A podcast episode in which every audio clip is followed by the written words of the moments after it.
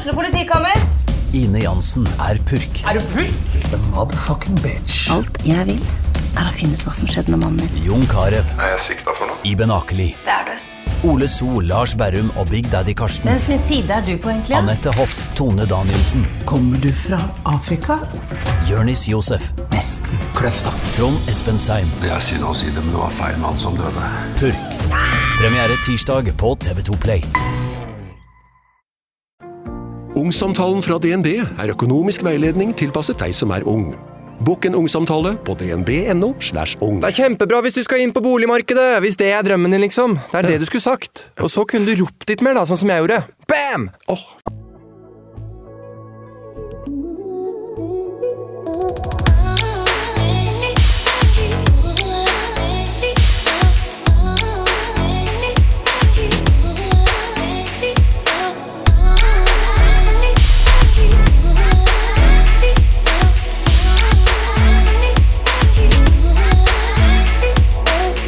Her er jo en litt eh, annerledes episode, og en litt spesiell episode for meg. For jeg pleier aldri å være den som står i liksom, fokus, den som forteller, og den som legger hjertet sitt på bordet i, uh, i denne podkasten. Det pleier å være tvert om. Men uh, i dag så er det en litt, uh, litt annerledes episode. For det har seg nemlig sånn at jeg har besøk av Jo. Ehm, skal du ha hele navnet, eller? For meg er det jo Jo. Ja, Svartepetter. ja, ikke sant? Det er nesten flere som kjenner meg som Ja. det. Eller Jo Anders Johnsen, da. Det er litt sånn, Jeg har jo av en eller annen merkelig grunn eh, kalt meg Jo Johnsen eh, som pseudonym når jeg skriver. Ja. Eh, og litt sånn der jeg angrer på det, møter naboen og sånn, så bare Er det deg, eller? At, eh, ikke sant? De kjenner meg ved fullt navn, men jeg bare følte det var kort og catchy og Jeg veit ikke. Jeg er helt enig. Mm. Men ehm, det er jo eh, litt sånn rart, egentlig, fordi eh, naturlig Eller sånn vanligvis i den podkasten her, så er det jo jeg som skulle fått deg til å legge hjertet på bordet. Mm. Men eh, det har jo seg sånn at du i ja, ganske lang tid nå har uh, vært en av de som har ja, men lytta mest til mitt hjerte. Yep. Uh, er det psykologen min der nå? så tenker jeg nå? Og da kan jeg bare si ja, på mange måter. Men uh, det har seg jo sånn at eh, for ganske nøyaktig to år siden så signerte Christian sin eh, første kontrakt i USA.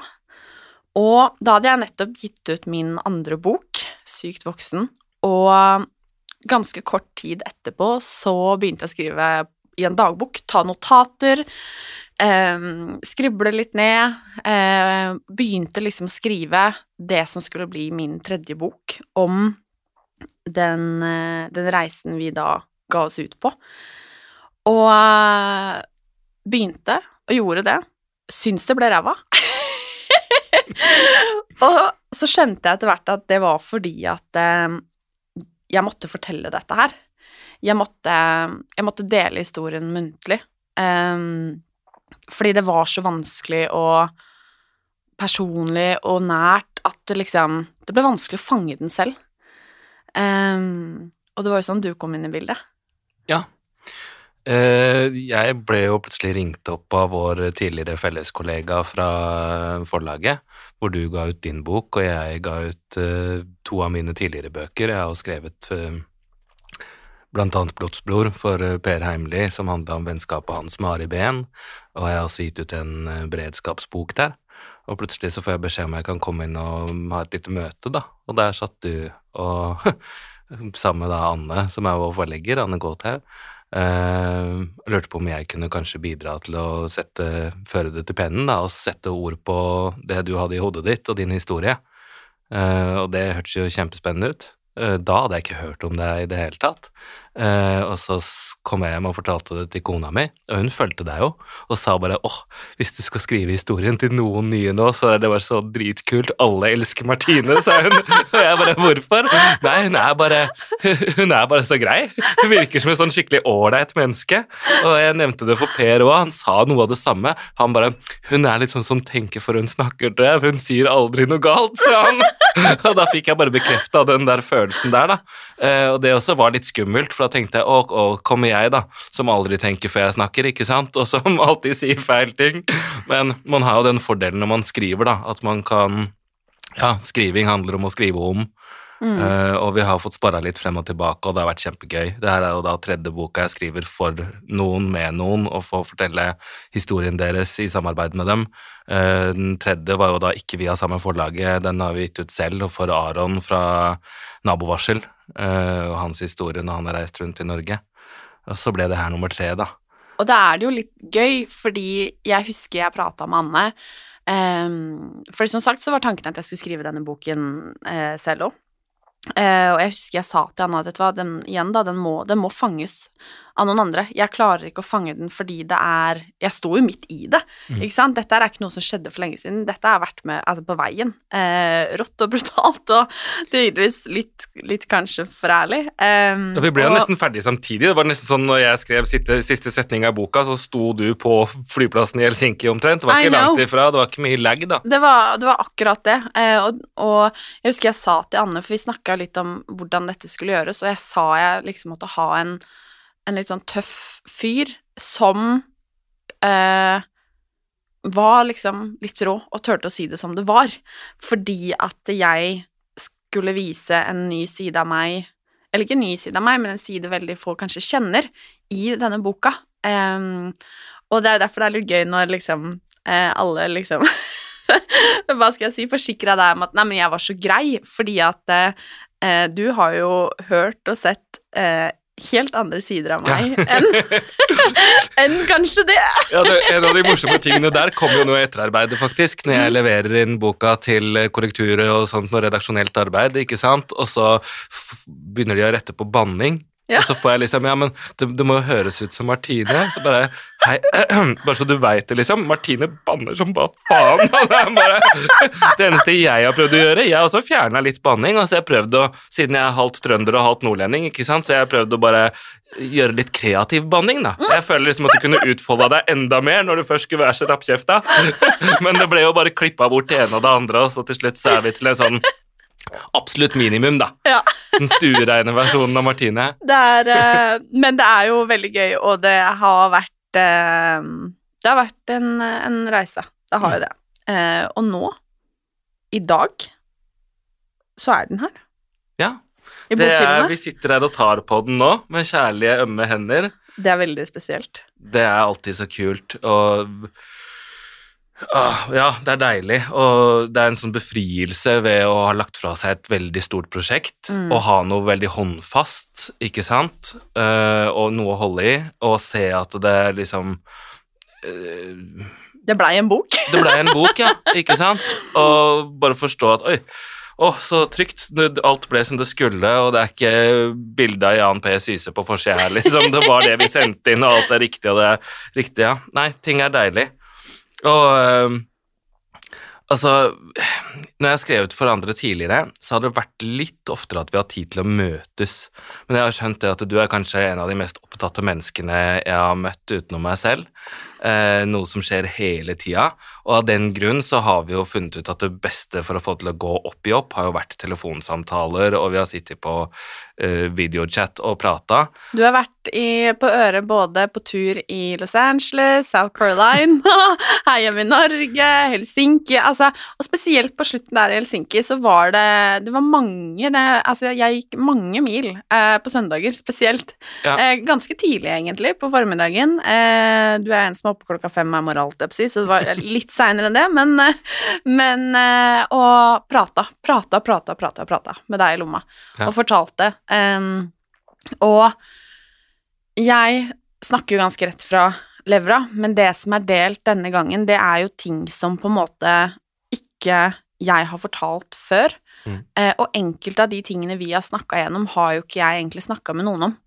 Um, sånn som for eksempel overfallet i, uh, i Sverige, som, em, som jeg da forteller om. Eh, det var jo Jeg var ganske sliten, husker jeg, etter jeg hadde fortalt det til deg, fordi at jeg det er en ting som var ekstremt tøft, som ble ekstremt tøft, og som eh, har vært tøft lenge.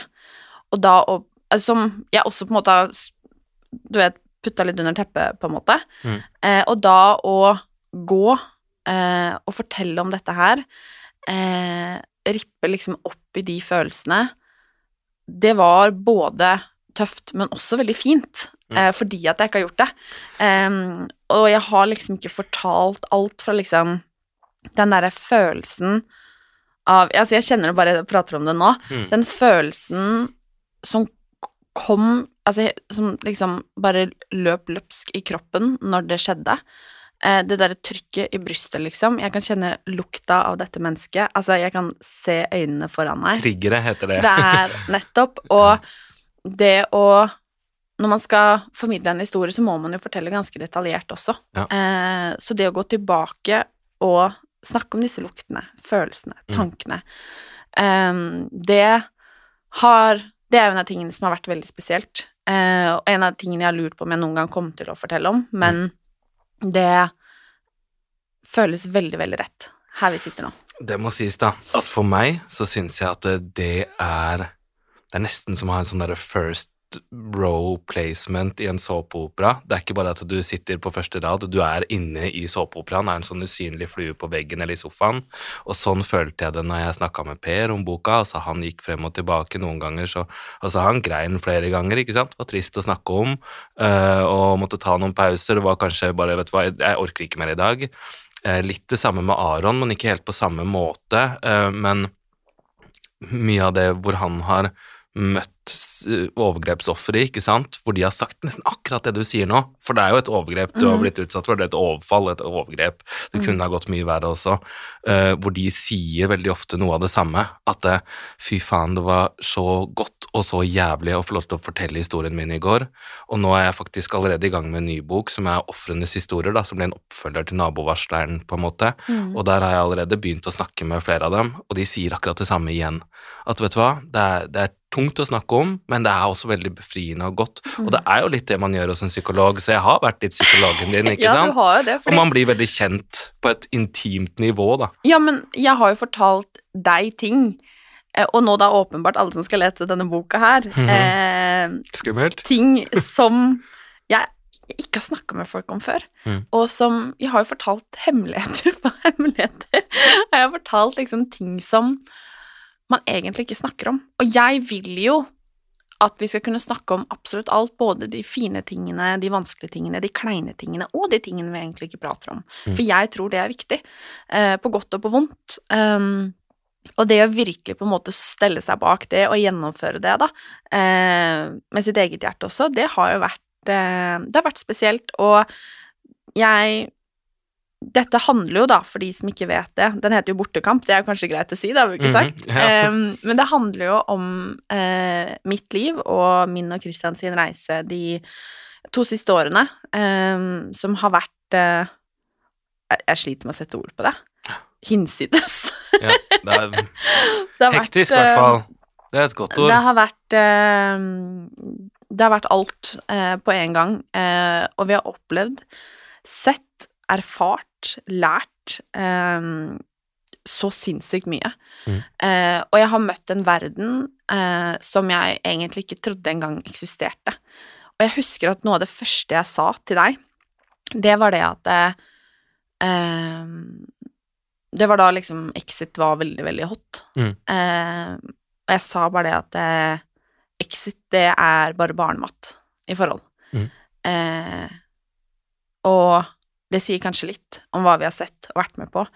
Um, og jeg husker første gang jeg følte at uh, jeg levde et dobbeltliv. Um, og det var når vi Kanskje første måneden vår i Los Angeles, fordi sesongen før så hadde vi vært i Stockholm, det hadde vært pandemi, og Men så skjedde det noe da, og det har jeg følt de to siste årene. At jeg har levd Jeg har vært to forskjellige Martiner, på en måte. Jeg har levd et liv eh, i livet til Christian og vi har hatt sammen, hockeylivet, eh, idrettsverden. Eh, mange, for mange den glamorøse verden, som viser seg kanskje ikke være så jævla glamorøs allikevel. Og så har jeg på en måte levd mitt liv her hjemme, eh, den derre joviale, glade gladlaksen, som, som jeg også er i det andre livet, men det har liksom vært det har vært så mye jeg ikke har kunnet delt, så mye jeg ikke har kunnet sagt, og så mye jeg har slitt med å liksom sette ord på.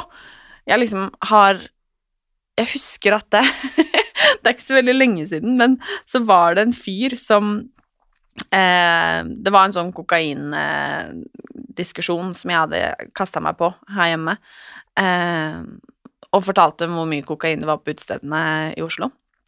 Og så var det en fyr som kommenterte på bildet mitt på Instagram, så skrev han det at eh, Hva faen vet du om det? Jeg syns bare sitte hjemme i sofaen på lørdagskvelden, liksom.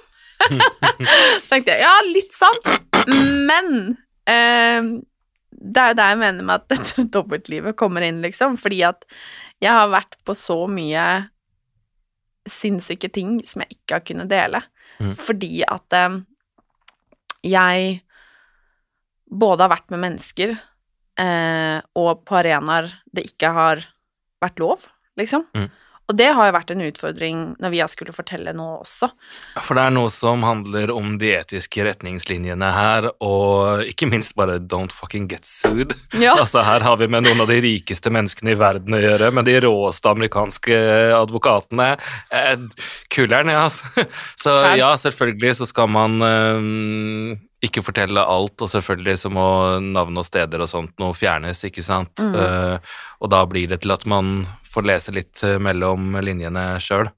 Eh, For det har vært mye mer linjer enn det vi har skrevet. Mm. Det Men- har det, bokstavelig talt. Ja. Men ja, nei, det, du, du har rett i det. Jeg skjønner, jeg skjønner den, og så en annen ting som jeg sitter igjen og tenkt en del på. Eh, Det er den derre rotløsheten. Det å hele tiden mm, komme til nye steder, nye miljøer, nye mennesker, og være et sånt egentlig et flyttebarn. Og jeg Eh, litt sånn på downlowen så kjører jeg litt sånn der coaching for folk, da, eh, i liten skala. Og en av de som jeg snakker litt med nå, hun eh, har vært veldig rotløs, da. Alltid flytta hele livet sitt, men fra hun var liten. Og vi prata litt om det, jeg og du, at eh, du har i hvert fall hatt tid til å finne deg selv og kommet fra et veldig trygt eh, utgangspunkt og en trygg familie og eh, har, har en jording da, i bunn før du ble kasta ut i den virvelvinden som er ditt liv, ikke sant? Mm. Og hvor jævlig det må være å ha levd i en sånn virvelvind helt fra du var liten, ikke sant? Og der har jeg fått snakke med henne litt om akkurat det, fordi Mm. eh, hun har blitt, har flytta siden hun var bitte liten, og eh, jeg unner ingen den eh, erfaringen, selv om det sikkert gjør deg sterk, så har vi jo snakka en del om i boka også at man blir litt kynisk av det, fordi den vennen du har i dag, den er borte om en måned eller et halvt år, ikke sant, og så skal dere kanskje aldri ses igjen. Jeg er veldig usikker Eller, jeg er så ambivalent på det der, fordi at jeg Det har forma meg så ekstremt. Altså, jeg har lært ting som jeg liksom Lært og opplevd og sett Altså ting som jeg, jeg er så takknemlig, liksom. Så sinnssykt takknemlig for det livet jeg lever, og det jeg har fått oppleve, og det jeg skal oppleve. Samtidig som, som du sier, da, og som vi snakker mye om i boka, um, som også har vært liksom vanskelig og sårt å fortelle om, at jeg vet jo ikke hvor bra det nødvendigvis er, fordi det er jo beintøft, og det har gjort meg beintøff Mm. eh, på en måte som jeg nødvendigvis ikke vet om er, er bra når du er liksom 25 år. Ikke bare sette pris på, men andre ja. Fordi at det gjør at, som du sier, jeg har en kynisme i meg som har blitt min forsvarsmekanisme. Mm. Um, Man er et varmt menneske som begynner å bli litt følelseskald på noen områder. jeg har Litt sånn skada. Uh, ja. Jo, men jeg har rett og slett skrudd av. Uh, og jeg husker når Christian signerte um, den nye kontrakta nå, da, med det italienske laget som nå da spiller i Østerrike. Uh, det første jeg sa, for det skjedde når jeg var drukna litt i jobb, som jeg stort sett alltid gjør, og han ringer og bare skal vi, Og jeg sa bare nå vet du hva, jeg har faktisk hjernekapasitet til å være med på dette valget, du må bare bestemme selv. Um, så sa jeg til han bare Men jeg jeg skal faen ikke få meg en eneste venn, sa jeg. Um, og man kommer til å skjønne hvorfor eh, når man leser boka. Ja, ja. Eh, og det er litt spøk, og det er litt alvor, men det er fordi at det har vært så sinnssykt tøft. Um, og jeg har møtt så sinnssykt mange kule, altså spesielle, fine, jævlige folk på vår vei. Um, og noen av de skal man jo få bli kjent med i boka også. Um, og vi, som du sier, vi har jo måttet sensurere litt. Mhm. Eh, noen er litt sånn de som vet, de vet. Um, og så var det vel et par ting som Christian måtte godkjenne. Mm. For vi har jo vært veldig Mamma syns jo Kristian på en måte Det står veldig respekt av han for å på en måte ha latt dette La dette skje, men han er Altså er noe av det jeg beundrer med han, er hvor trygg han er i, i seg selv og i oss. Eh, og som han sier, at dette er jo Dette er jo min fortelling, min historie. Mm. Eh, dette er jo ikke hans ord eller tanker, det er mine. Mm. Eh, og hans baller. Ja. De som leser, skjønner. Liten inside eh, Men at eh, det er eh, Nei, jeg vet ikke. Han Det er sånn, Hvordan klarer du å lage en spoiler alert uten å spoile noe som helst? Det er mye, men du blir kjent med ballene til Christian, så. ja. Men du, apropos når du sitter der og ler og smiler og er så glad jeg, Du sa det jo til deg når jeg kom inn her, at jeg syntes du var så fin.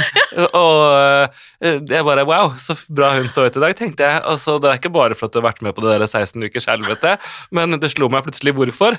Og det sa jeg ikke helt høyt, men det er jo fordi at det, som vi nevnte her, jeg har jo vært med deg mens du veldig ofte har vært på trening, eller sånn der jeg kommer dassende ned på en eller annen frokostbuffé, ikke sant? Jeg hører bare klirrer i sånn English breakfast i bakgrunnen, Ja, ja, eller når du sånn svett driver og halvjogger rundt Nesodden eller noe sånt, nå, eller har gått deg litt bort i en fremmed by, og alltid så er det sånn Istedenfor den der kjente uh, dame som skal ta bilde til Instagram eller sånt med sånn ovenfra og ned-vinkel, så er det sånn skikkelig nedenfra og opp, svett og jævlig, og har du en bus i nesa, så har jeg sett på den neste timen, ikke sant?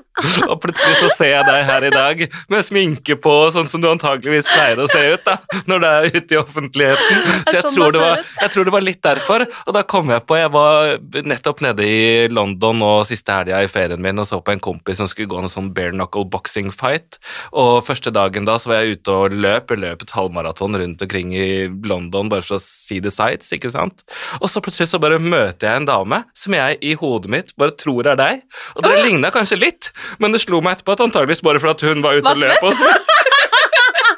Men jeg stoppa opp, og vi hadde bare tidenes sånn der mest awkward to-tre sekunder hvor jeg følte at jeg kjente henne, ikke sant? Og lyser opp. Og jeg tenkte på det etterpå, og tenkte hun bare fy faen, jeg møtte den creepen i parken i dag.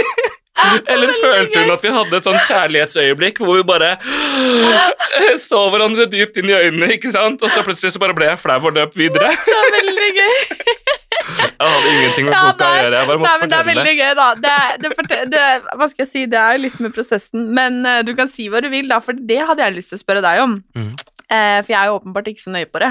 Uh, men når du fikk dette spørsmålet, Mm. og skjønte at på en måte min hovedtittel er influenser, liksom Mm. For nå har jo du blitt kjent med meg på godt og, og vondt, og alle de sidene som man ikke nødvendigvis er så stolt av òg. Ja. Eh, hva tenkte du?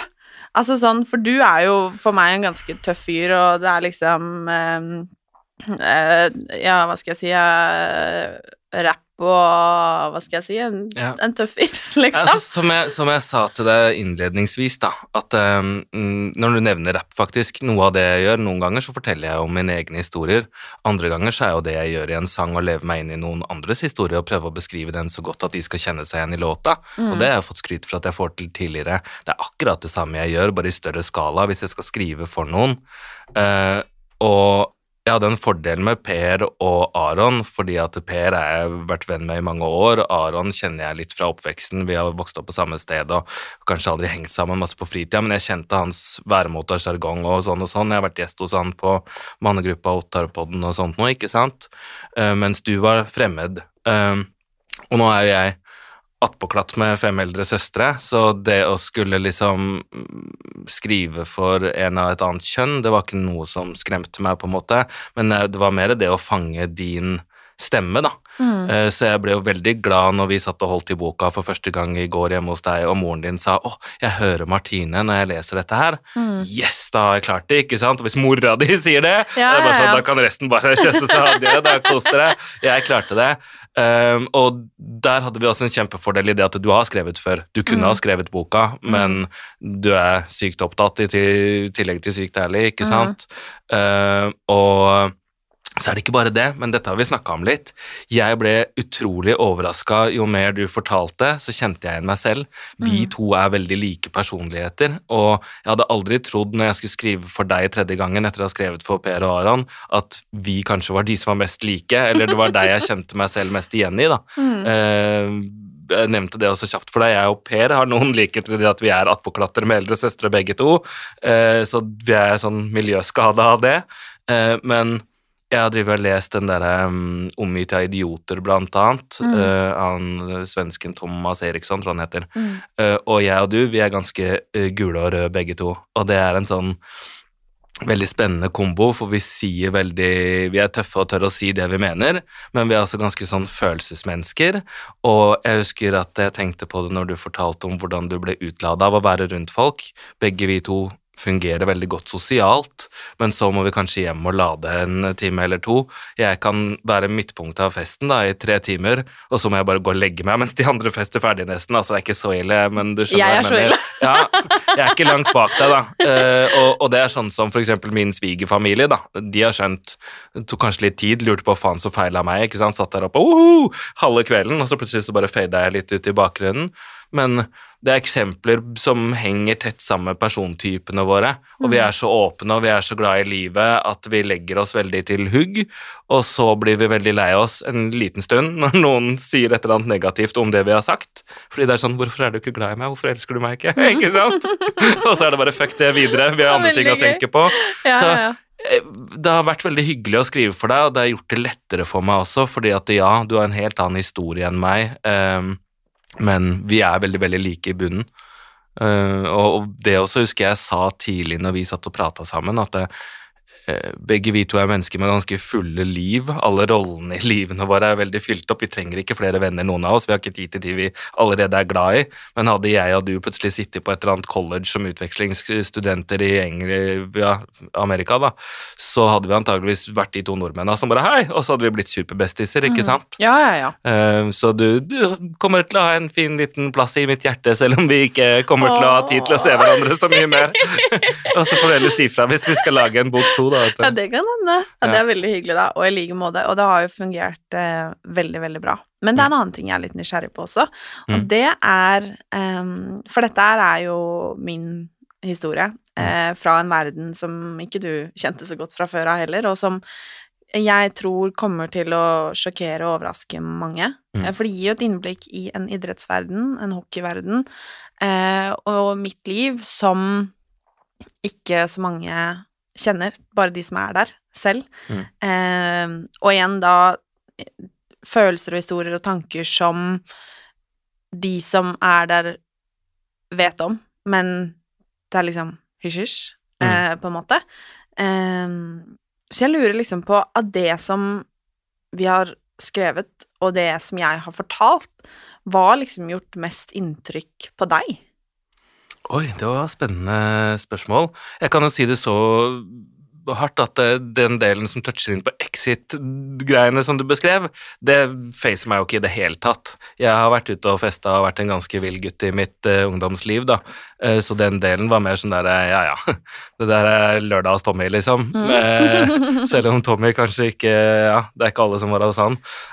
Men jeg syns jo ting som har med mennesker å gjøre, da, er kjempespennende. Jeg er sånn fordi, igjen, persontypen, det, den som prater høyest og sier det man tenker rett ut, så ble jeg veldig forelska i sånn Big Brother første sesong. Wow, jeg fikk plutselig se hva de andre sa om meg etter at jeg gikk ut av rommet, ikke sant? Og alle de persontypene som kanskje blir litt stille, da, når noen kommer og tar mye plass. Hvordan de snakker når de sitter seg imellom etterpå, og synes i det hele tatt at reality-programmer gir meg et innblikk i mennesker som jeg syns er veldig spennende. Så det jeg syns var mest spennende, var egentlig det som vi var inne på litt i stad. Hva gjør det med et menneske å bli kasta hit og dit og hele tida uh, dratt opp med rot, da? Um, fordi jeg kjenner meg litt igjen i det òg, bare i mye mindre skala. Jeg har ikke reist, jeg er ikke noen globetrotter sånn sett som har bodd i masse forskjellige land og sånn, men jeg har alltid gått litt dit vinden tar meg, og alltid hatt lett for å finne nye bekjentskaper. Og så tror jeg i min verden at eh, vi er venner for alltid, ikke sant? Og så er ikke alle sånn. Så når du kommer tilbake igjen til et annet sted og hilser på noen, så blir jeg noen ganger veldig lei meg, Fordi at det er en person som jeg tenkte bare Men husker du ikke meg? Vi hadde jo kjempemye hyggelig sammen. Hvorfor blir jeg ikke møtt med et stort smil og en klem, ikke sant? Og så møter du noen andre som er som deg, og som du møter ti år etterpå, bare!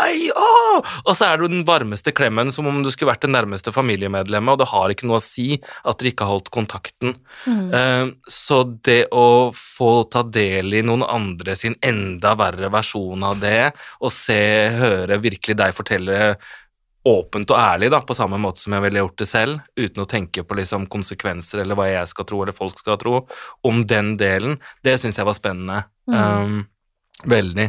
For det handler om psykososialt et eller annet, kanskje? Et eller annet, ja. Som bare toucher en nerve i meg. Ja. Og som jeg syns var interessant, og som jeg gjerne kunne ha lest og lært enda mer om, da. Mm. Jeg gleder meg jo til å høre hva folk eh, Hva som engasjerer folk mest, fordi at vi toucher innom så mange temaer. Mm. Og fordi boka har blitt så bred. Man kan både lese når man er skikkelig hockeyidiot, på en måte, og syns at hockey er fett, men man trenger ikke å kunne noen ting eller bry seg noen ting om idrett for å synes at eh, det er fett. Ikke sant? Det er liksom Jeg føler på en måte at det, det er eh, Til syvende og sist så handler mye av dette om følelser og tanker og en personlig reise, ikke Mm. sant? Eh, igjen da på godt og på vondt. Em, og it's been a ride, det kan Ja. man jo si. det er um, uh, Ja, det er uh, Jeg har Jeg har fått mye bakoversveis på denne reisen her, uh, og jeg har grinet mye, jeg har vært mye sint, jeg har vært mye glad, jeg har vært mye oh, forvirra. Da må jeg avbryte for lite tillegg på det forrige spørsmålet når du nevner det. Det har jeg også syntes vært fint, da, å få den derre kjæresten til versjonen for en som lever det livet. For det skal sies at de som faktisk er toppidrettsutøverne som blir kasta rundt omkring i verden til forskjellige land, de gjør på en måte ett valg som mange kan forstå, men så har du disse stakkars vedhengene, da. Mm. Koner, kjærester, ikke sant, som bare er med i dragsuget. Eh, og det er ikke bare mannlige idrettsstjerner eller andre stjerner egentlig også, som reiser rundt omkring. Mm. Det finnes jo noen eh, sterke menn som står bak sterke kvinner også, suksessfulle kvinner, og bare det å få aksept for hvilken oppofrelse det er, da. Den også tok meg litt sånn der Oi, shit, ja, fy fader, det kan ikke være så jævla gøyalt, da. Særlig ikke når jobben til den andre personen tar så mye tid Uh, at man liksom plutselig bare sitter alene i en leilighet på andre sida av jorda, og latt alle vennene sine og alle familien sin og alt det man pleide å gjøre, alt rutine. Vi mennesker liker rutine. Mm. Det ligger bak deg, og til og med en annen tidssone. Det også gikk litt inn på meg. Jeg følte mye på en no, noe som jeg selv aldri hadde behøvd å ta del i, eller via mye oppmerksomhet, men som var litt sånn oi, shit, ja, det er ikke så kult, da. Mm. Og når du i tillegg da faktisk er den du er, og er så busy som du er, eh, likevel nesten får den der hei, er du sammen med han av penga? Sånne type ting. Det også ga det et unikt eh, perspektiv, da, som jeg syns var spennende. Mm. Jeg eh, opplevde det senest for noen dager siden nå, fordi at eh, sånn som nå så reiste jo Christian for ny sesong. Eh, nytt land, nye språk og det som er ny moro. Eh, og eh, nå hadde jo ikke jeg muligheten til å være med ned på starten av sesongen sånn som jeg pleier, fordi at eh, jeg må også jobbe. Em, og da er liksom noen som har sagt sånn Å, neimen, stakkars med reisende der aleine, og med to hockeybager, liksom. Uff a meg, stakkars, ja, nei, ikke sant? Og jeg bare Når jeg får den Du vet jo. Mm. Som jeg liksom holder meg hardt i stolen, teller til ti, og bare mm, mm, Hvilken jævel. Hvilken jævel. Som har sagt Når jeg har stått på en, altså flyplassen i fuckings Greenville med fem-seks kofferter, hockeybager, det som er, og blir henta opp av en eller annen random fyr klokka ett på natta. Eh, Ja, ene gang kom jo ikke bagasjen engang. Eh, alt kan man jo lese om. Kommer der, blir sluppet av på en jævla parkeringsplass. Opp i den leiligheten skal du, ikke en jævel som hjelper meg å bære. Kommer inn i en tom leilighet. Har ikke spist siden på mange, mange timer. I South Carolina, liksom. Du står der, alle hjemme sover, og du bare Ja. Ikke sant? Velkommen til byen. Eh, takk skal du ha. Eh, med, med en mann et eller annet annet sted i, et eller annet Carolina et eller annet. Eh, og bare «Hm, Ikke sant? Eh, det er synd på han. det er eh, Men dette har jo, har jeg fortalt mye om, eh, og um, det er eh, Det har vært viktig for meg å snakke om det. Har din Nå er jo ikke du nødvendigvis den som er mest idrettsinteressert, eh, utrolig nok, med tanke på boken vi har skrevet, Ja. men eh, mange har jo eh, har jo en liksom tanke og forestilling om når det kommer til liksom, hockeyfruer og fotballfruer og sånn. Har din eh, respekt endra seg noe for de som Det har du 100 Gjør Det var mm. derfor jeg sa det som jeg sa forrige gang jeg åpna munnen her mm. nå. Eh, nå skal det sies at jeg har ikke via temaet en tanke, mm. eh, både fordi Vet ikke. eh, Hvorfor skulle jeg ha tenkt på det, på en måte? Mm. Og nummer to, har aldri vært noen stor sånn sportsfan. Mm. Jeg er han karen som liksom, når kompisene mine inviterer for at 'Å, skal vi se fotballkamp?' Så bare ok, eh, for det første, jeg må ha øl, og for det andre, jeg tror jeg skal sette litt penger på dette her, sånn at det blir spennende. og det er ikke alltid engang at jeg setter penger på det laget de heier på, for noen ganger så tenker jeg fuck it. Hvis de vinner, så er alle sammen glad, da er jeg glad, og jeg tåler å tape 1000 kroner. Hvis de er skikkelig sure resten av kvelden, så kan jeg sitte der og bare yeah! jeg vant 10 000 kroner! så jeg har aldri hatt det der brennende interessen for idrett. Um, men jeg ble litt overraska over hvor mye som foregikk i bakgrunnen der, uh, og hvor ja, et miljø som du tenker at eh, liksom der er det goody two-shoes-gjengen, da. De som aldri har gjort noe galt og sånn. Og så viser det seg at ja, de venta bare til de tjente masse penger, og så levde de ganske gærent, de også. Mm. Eh, Og har det overraska deg hvor mye Hvor mye Altså det er, Jeg syns det er dumt å stille spørsmålet fordi at det, eh, Møkk og helvete er det på en måte overalt, Mm. men det er jo en verden som er ganske glorifisert og ganske seriøs, og som på en måte er veldig sånn eh, Hva skal jeg si, ja? Polert, da, i utgangspunktet. Mm. Eh, men har det overraska deg hvor mye dritt det er i toppidrettsverden? For å si det sånn, det var det mest ledende spørsmålet jeg har fått på lenge. Ja. Men ja, selvfølgelig. Eh, men det henger litt sammen, da. Eh, for det første så er det noe med en oss og dem-mentalitet som du har fått innprenta siden ganske barnsben, nesten, når du er del av lagidrett. For det andre så er det jo ikke bare dere som er med ut på reisen, som får den der kynismen over å bli kasta fra sted til sted og ikke ha den tilhørigheten. Så det er veldig forståelig at en som kanskje spiller for Canada ett år, Amerika ett år, ikke sant, etter hvert bare gir opp litt og får venner, de også, og blir litt sånn overfladisk by force, da. Eh, og når du i tillegg da kanskje ender opp i en sånn elitisk klubb hvor du tjener så mye penger at Bermen, hvordan tror du øvre middelklasse har det nå? Ikke sant? Så er du plutselig på i en sånn spesiell gjeng da, som er så lukka for omverdenen, og at det har litt forståelse for det, da. Jeg skjønner det. Og hvis du i tillegg da sitter der og føler at oi, jeg har ikke venner, jeg har ikke, det er ikke noen dype relasjoner her, de jeg faktisk likte og som jeg er glad i, de er på andre sida av jorda, skal du ha noe kokain, eller?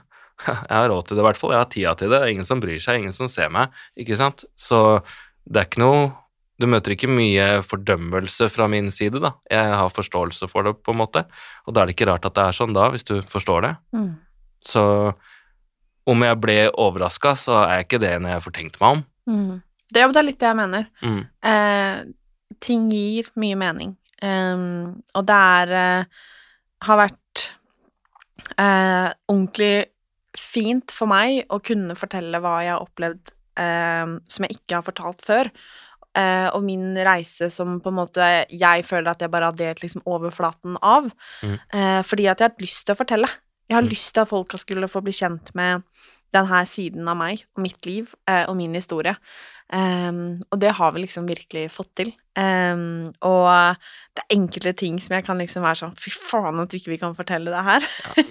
Noen ganger så går man rundt grøten der man helst har lyst til å hoppe i den, ikke sant? Men eh, jeg tror man forstår, og jeg gleder meg litt til kanskje folk kan få bli kjent med hjertet mitt på denne måten, fordi at eh, det, har fått, det har fått mye juling de siste åra, eh, og kanskje det kan gi noen svar, eh, og vet ikke om jeg søker forståelse, men jeg tror kanskje noe av det jeg har sagt mest til mamma i sånne Når jeg har hatt eh, ja, raserianfall eller frustrasjon om jeg sitter her eller der, eller hvordan tingene har vært, at jeg liksom det, det er ingen som skjønner. Ingen som skjønner. Og så vet jeg at jeg har noen få mennesker rundt meg som forstår. Ja, som har vært gjennom det samme. Igjen, da, det er en veldig sånn eksklusiv klubb, på en mm. måte, for det er en sånn spesiell reise. Nettopp. Men det er veldig få som forstår. Og Mm. folk kan godt si at de skjønner, men de har ikke peiling. Nei. Har ikke peiling. Men kanskje dette kan i hvert fall gi et innblikk i det. Ja, For det er litt, opply sånn opplysende virksomhet, nesten. Mm. Eh, som Og man skjønner jo ikke hvis ingen tar seg tid til å forklare. Mm. Og jeg syns jo på en måte at det er litt trist, da. At det ikke finnes en option B, på en måte. At det skal være dritt og møkk overalt. Ehm, for jeg føler at jo mer jeg lærer om livet, jo mer er det de som blir igjen på bygda, som er vinnerne.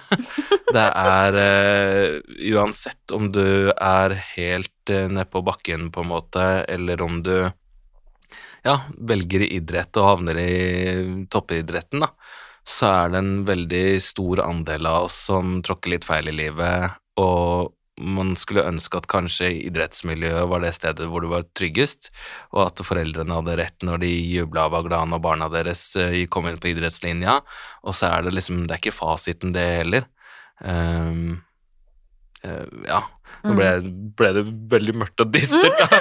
Men det skal det er hyggelige ting i den boka her òg, det er altså. jo det, det er jo det. Og uh, det, er, det står respekt av deg for å faktisk uh, komme ut av det på andre enden uten å havne i den samme fella, da. At du ikke sitter der med et speil foran deg på bordet og, og trøstesnorter på slutten av podkasten, for å si Ja. det sånn. Det er jeg utrolig nok veldig glad for sjøl òg. Mm. Eh, nesten litt stolt av.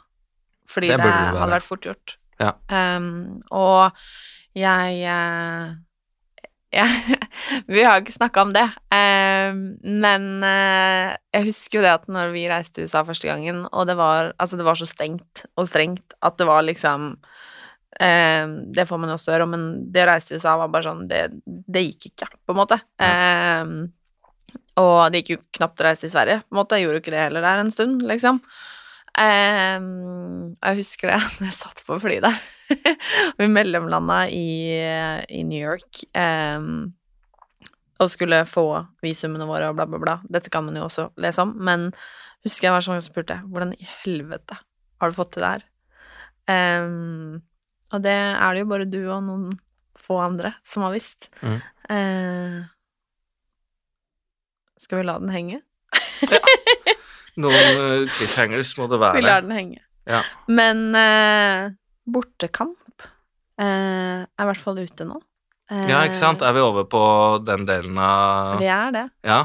Da det. finnes det helt sikkert Du er jo flink til å legge ting i bio eller tekst eller sånt. Det ligger en link Oi, dæven, en link i bio. Det er, eh, det er det mest influensete som er sagt i Ikke sant? Så får dere gå inn og bestille det. Um, Åh, hjelp meg, da. Du, faen, dette her er ikke det jeg er sterk på. jojonsen.no, der kan dere kjøpe den andre boka, den som jeg skrev for Aron. Mm. Uh, hvis dere har penger igjen etter at dere har kjøpt Martin bortekamp til alle dere kjenner, og Mhm. fått sånn eh, spesiell hilsen fra Martine, ikke sant, Yes. til bestevenninna og mamma og mormor og Mhm. alle de andre. Uh, pappa også trenger en bok. Eh, ja, hvis dere har lyst til å høre på svartpettermusikk, så må dere sjekke ut Next Level. Det er det nyeste albumet jeg har på Spotify per dags dato. Og så kan dere følge meg på at svartepetterdd på Insta og sånt.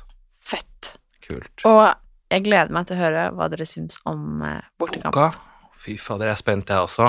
Det blir spennende. Åh. Shit. Jeg føler liksom at jeg Det er feil å si at jeg gleder meg, egentlig. For jeg er jo helt sånn herre eh, Jeg vet Jeg har egentlig lyst til å bare ta den med hjem og la den Altså ikke, ikke dele den med verden, men den skal ut til folket, og jeg er veldig stolt av hva vi har fått til. Ja, det er jeg også. Bra jobba, jo. Takk. Takk. Så får du god tur til Italia denne gangen. Thank you. Så, altså, keep me posted. Eller du holder alle posted, da. Det er bare jeg som faktisk må fortelle folk hva jeg holder på med. Men det er du som får hemmelighetene. Ja, ikke sant? Der ser du. Jeg kan bare lene meg tilbake. Altså, Så om et års tid så får jeg vite all den møkka ingen andre fikk med seg. Åh, Ja, det er bra. Nei, men eh, bra jobba. Takk for i dag. ha det. Ha det.